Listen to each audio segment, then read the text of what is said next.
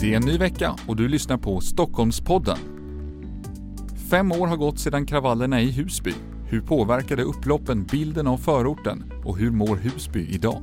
Vi pratar med reportern Johanna Edström som åkt tillbaka och träffat stenkastaren som snart är färdigutbildad historielärare.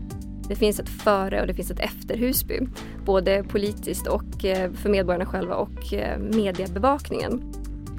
En 80 år gammal okänd tidskapsel hittades vid renoveringen av Medborgarhuset på Södermalm.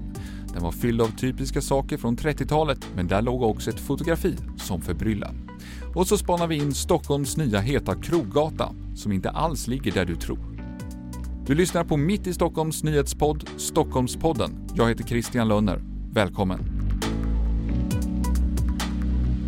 Fem år har gått sedan Husby drabbades av upplopp under flera kvällar och nätter. Bilar stacks i brand och polis och räddningstjänst möttes av stenkastning.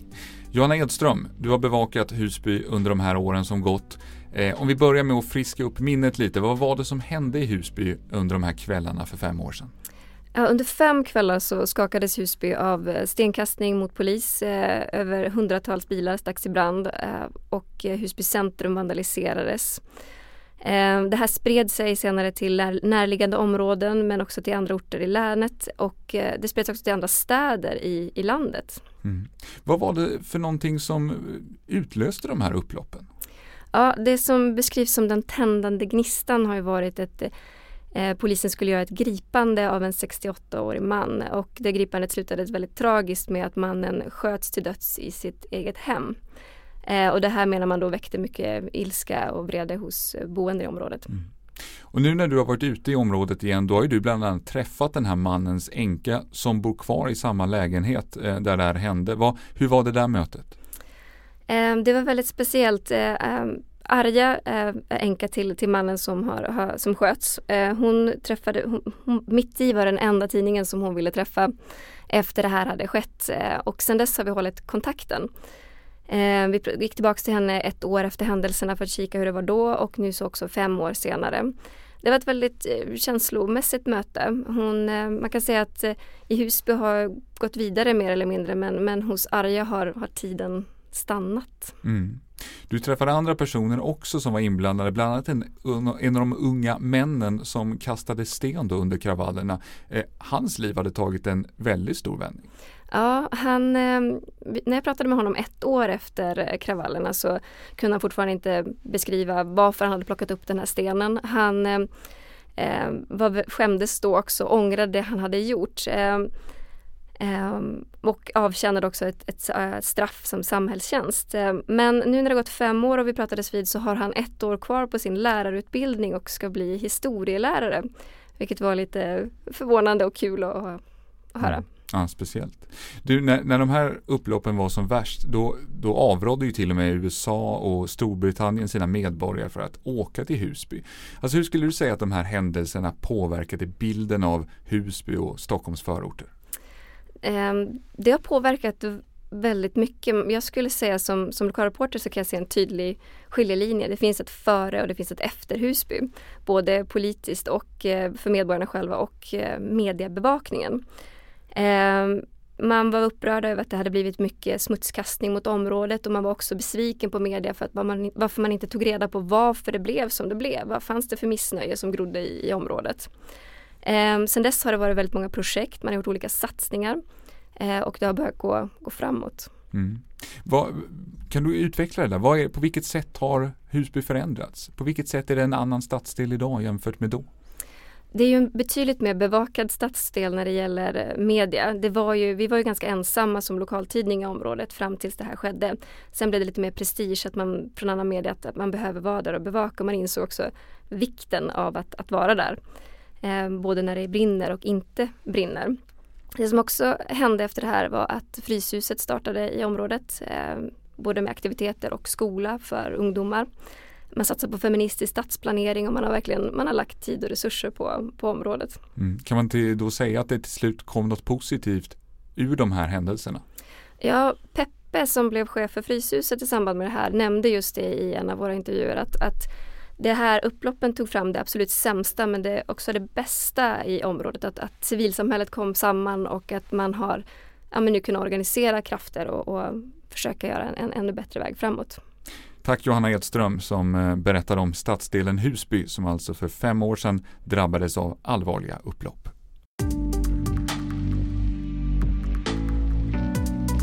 I 80 år låg en okänd tidskapsel ingjuten under ett podium i Medborgarhuset på Södermalm. Men nu under den pågående renoveringen av byggnaden hittades kapseln och i den låg föremål som var typiska från 30-talet, men också ett fotografi på en okänd kvinna. Lisa Bonniksen, du är reporter ja. på Södermalm. Vad, vad är egentligen en tidskapsel? Ja, man skulle kunna beskriva det som, eller i det här fallet var det ett skrin som dåtidens byggarbetare lät gjuta in i Medborgarhuset under bygget. Då. Och varför gör man det här?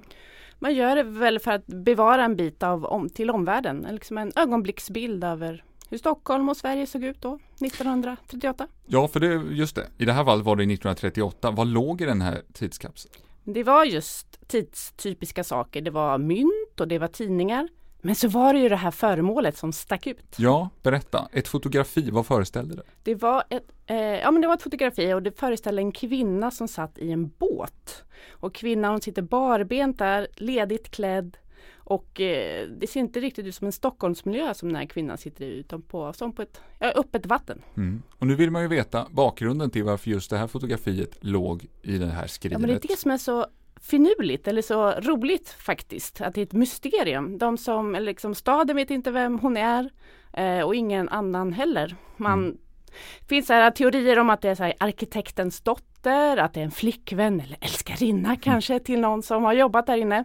Men ingen vet. Så vi har faktiskt, ja. Gått ut med en efterlysning, eller hur? Har, ja, du fått några, har du fått någon respons? Ja, vi har ju gått ut med en efterlysning och fått stor respons. Det är faktiskt fyra olika personer som har hört av sig och sagt att det är deras släkting. Mm. Men det är ett spår som är faktiskt hetare än de andra. Mm. Som vi har eller där man ser tydliga likheter på andra fotografier. Okay. Så att eh, ja, det kanske får en lösning.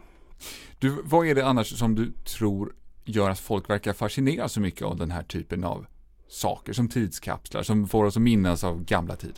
Ja, men dels är det att, eller det första och största, det är att det är det hemliga. Att man inte, I det här fallet, man visste inte om att den fanns. Eller man trodde att den kanske kunde finnas, men man trodde att den var förlorad. Och just att den har legat orörd i 80 år och man öppnar den liksom för första gången eh, mm. och får se liksom vad dåtidens människor får man väl säga. De flesta är väl döda idag, men bara de har velat bevara till oss mm. i framtiden. Lite som en skatt, brev. skattjakt på något sätt. Eller ett mejl som kommer fram 80 ja. år senare. Kommer det grävas ner en ny tidskapsel nu? För nu håller man ju på och bygger här igen på samma, i samma Ja, hus. jag tror att eh, man blir inspirerad av det här fyndet. Så att de säger det, projektledaren på för Medborgarhusets renovering säger att de ska gjuta in nu en mm. ny tidskapsel. Då saker med från 2018. Vad, vad skulle du vilja se i den här tidskapseln? ja, det skulle väl vara något som är typiskt för 2018. Kanske en pokébowl. Ja, sådär. Bra den idé. härligt, så ja. blir det fin lukt. Kanske man hittar den lättare då om 80 år. Bra idé. Tack Lisa Bonniksen för att du berättar om tidskapseln som hittades i Medborgarhuset i samband med den pågående renoveringen där.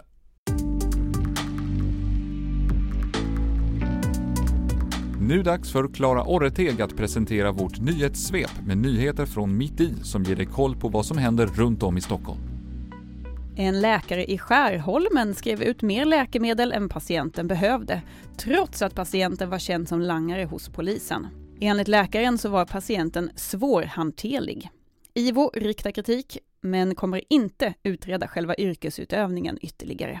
Med hjälp av råttgiljotiner i stans alla fastigheter vill Centerpartiet döda en kvart miljon fler råttor per år. Vi måste beta av kvarter för kvarter, säger centerpartisten Jonas Naddebo, som själv har en giljotin i källaren. Boende på Skinnarviksberget menar att de har fått sprickor i sina lägenheter när försvaret, helt utan att informera, började spränga i berget.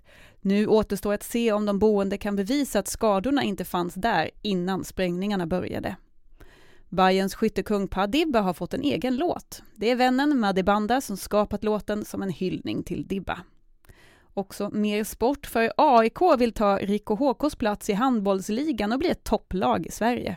Men spelarna i dagens svartgula herrlag, de ingår inte i de planerna. Alltid energi och hjärta som vi har lagt ner för AIK. Vi känner inte att vi får någon uppskattning, det säger mittnian Erik Bergström. Under en Bali-resa tog 23-åriga Lisa Dahlkar från Upplands Väsby en selfie med en orkidé bakom örat. Nu är hon övertygad om att Snapchat tagit hennes ansikte till ett filter. Väldigt roligt, tycker hon.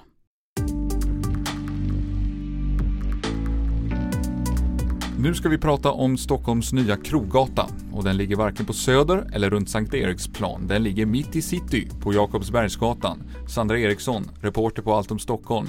Vad är det som händer på den här gatan just nu?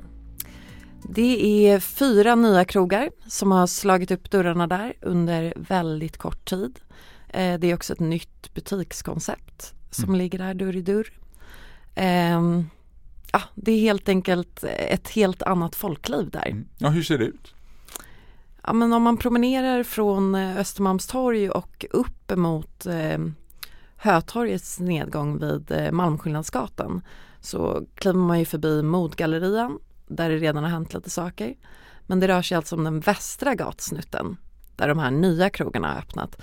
Det är uteserveringar där folk eh, sitter och njuter av eh, försommaren.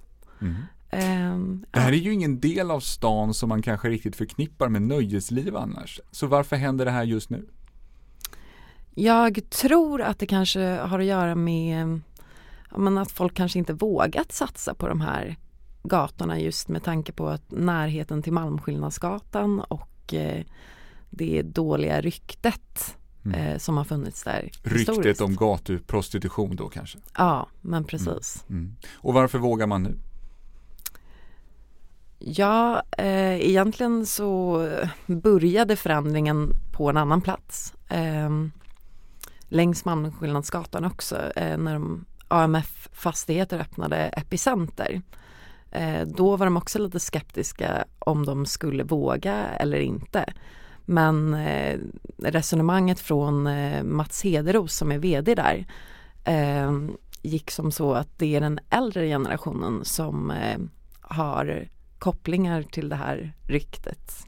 Mm. De Men, yngre har lättare att ta, sig till, ta till sig det här, ja. det här området helt enkelt. Um, ett kvarter lite längre bort, det är ju Brunkebergs torg. Där har ju också genomgått en stor förändring av hela det området. Hänger det här ihop på något sätt? Ja, men det är ju faktiskt AMF Fastigheter som äger stora delar där också. Eh, I Urban Escape som de kallar de kvarteren. Mm. Vad är det för något? Eh, det är en rad hotell. Eh, det är Hobo, eh, At Six och eh, Downtown Camper eh, som har öppnat där. Sen är det också tillhörande restauranger och takterrasser. Så kön ringlar ju fram till dem. Mm. Samma folkliv där alltså. Du, finns det fler gator i, i, i det här området som skulle kunna gå samma framtid till mötes? Ja men det är möjligt. Jag vet inte några direkta gator på rak hand i city. Mm. Eh, men det finns andra områden i stan eh, där det också håller på att ske liknande förändringar. Var då?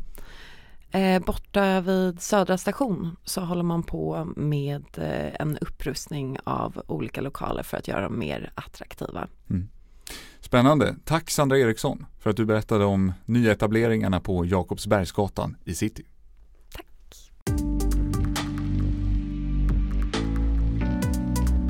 Du har lyssnat på Stockholmspodden som görs av Mitt i Stockholm. Gå gärna in på vår hemsida mitti.se och läs fler nyheter. Och idag avslutar vi med lite musik.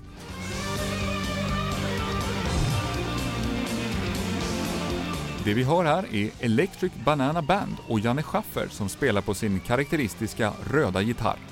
Den gitarren blev nyligen stulen i samband med ett inbrott i Janne Schaffers bostad i Bromma. Nu uppmanar artisten alla att hålla ögonen öppna efter den röda gitarren.